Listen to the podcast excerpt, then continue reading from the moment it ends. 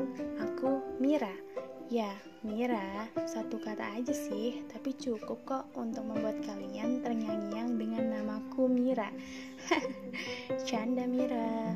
Aku mahasiswi Ilmu Komunikasi Universitas Ahmad Dahlan angkatan tahun 2019.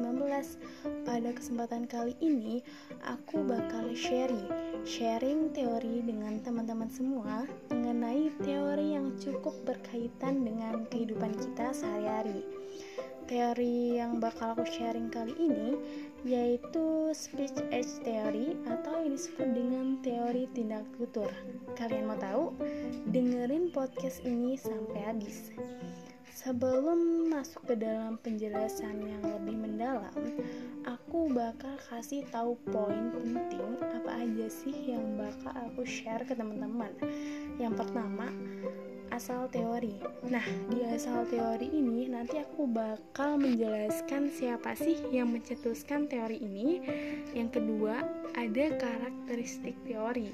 Dan yang terakhir, ada pembagian dari teori tindak tutur itu sendiri.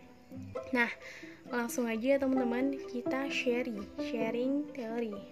Yang pertama, bakal aku jelasin mengenai asal teori tindak tutur itu sendiri. Teori tindak tutur ini dikemukakan oleh dua orang ahli filsafat bahasa yang bernama Ol yang bernama John Austin dan John Searle pada tahun 1960-an. Menurut teori ini, setiap kali pembicara mengungkapkan suatu kalimat, ia sedang berusaha mengerjakan sesuatu dengan kata-kata atau dalam kalimat itu sendiri. Nah, maksudnya itu, ketika kita melakukan komunikasi, seorang penutur tidak hanya mengucapkan tuturan atau speech saja, tetapi juga melakukan tindakan. Dan menurut istilah Austin itu sendiri, yaitu be saying something, we do something.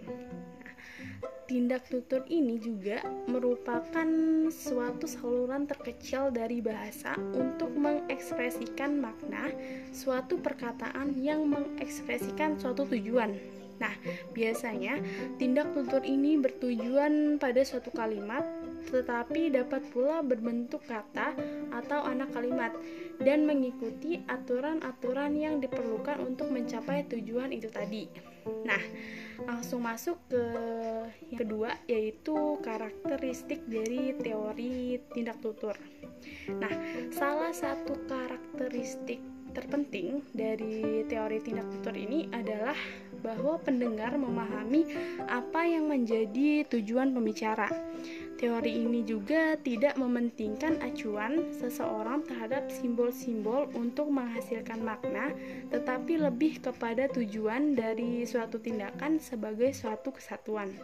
Nah, jika kita membuat suatu janji, maka kita mengkomunikasikan tujuan mengenai sesuatu yang akan kita lakukan di kemudian hari. Tetapi yang lebih penting adalah kita mengharapkan orang yang kita ajak berkomunikasi tadi menyadari apa yang telah kita katakan mengenai tujuan kita. Nah, teori ini kemudian dikembangkan lebih mendalam oleh John Searle Nah, menurut John Searle ini, uh, teori tindak tutur ini dibagi menjadi tiga bagian yaitu yang pertama tindak lokusi tindak tutur lokusi merupakan tindak mengucapkan sesuatu dengan kata dan kalimat sesuai dengan makna di dalam kamus dan menurut kaidah sintaksisnya. Tindak lokusi adalah tindak tutur yang relatif paling mudah untuk diidentifikasikan daripada bagian-bagian tindak tutur lainnya karena pengidentifikasiannya dapat dilakukan tanpa menyertakan konteks tuturan yang tercakup dalam situasi tutur. Contohnya itu penutur berkata, "Tanganku gatal" saat tangannya digigit ulat atau digigit nyamuk. Jadi, inti dari tindak lokusi ini adalah sesuatu hal yang menjelaskan atau menginformasikan sesuatu. So, apabila kita sedang berbicara mengenai tindak lokusi, ujaran yang disampaikan tersebut merupakan suatu informasi atau bisa juga dimaksudkan penjelasan tentang hal-hal yang dimaksudkan dalam suatu ujaran. Contoh lainnya itu yaitu Jogja adalah kota istimewa. Nah, dari dari kalimat Jogja adalah kota istimewa tersebut merupakan sebuah pernyataan dan informasi bahwa Jogja adalah kota istimewa. Jadi, lokusi itu merupakan sesuatu hal yang berkaitan dengan kalimat deklaratif atau yang disebut dengan kalimat pernyataan dan kalimat berita tadi yaitu menginformasikan.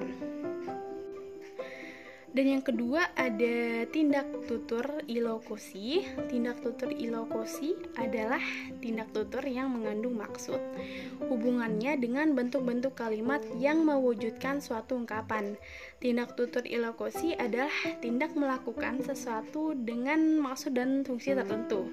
Contohnya itu tindak tutur ilokusi ini biasanya berkenaan dengan pemberian izin, ucapan terima kasih, menyuruh, menawarkan, menjanjikan, dan lain sebagainya. Nah, ilokosi ini artinya itu memahami maksud dari suatu ujaran. Nah, ilokosi seperti memahami maksud tersembunyi di dalam suatu ujaran. Contohnya itu seperti pada tulisan awas anjing galak.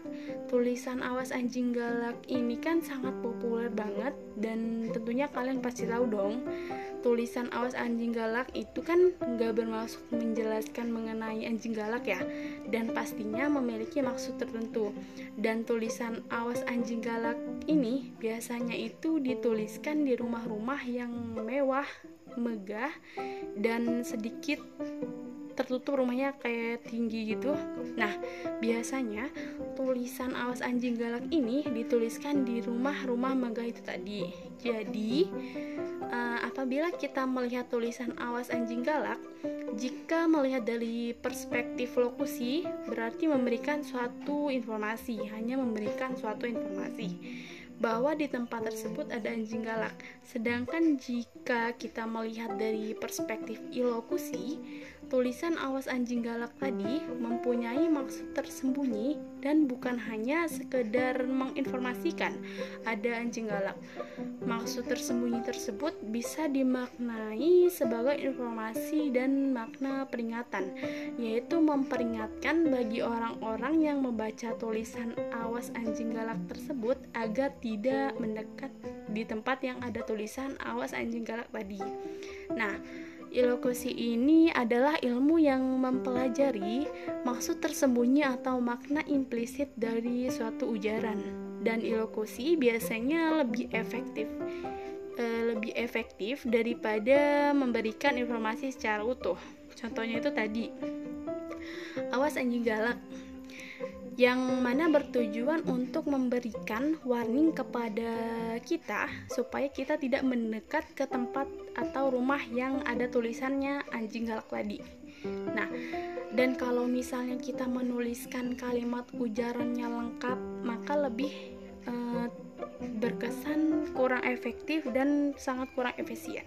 Misalnya itu seperti rumah ini ada anjing galak kalian jangan mendekatinya nah kalau tulisannya seperti itu maka sangat panjang ya dan sangat kurang efektif Nah, ilokuasi juga digunakan untuk menganalisis ujaran-ujaran dari makna tertentu seperti lagu, film, dan lain sebagainya.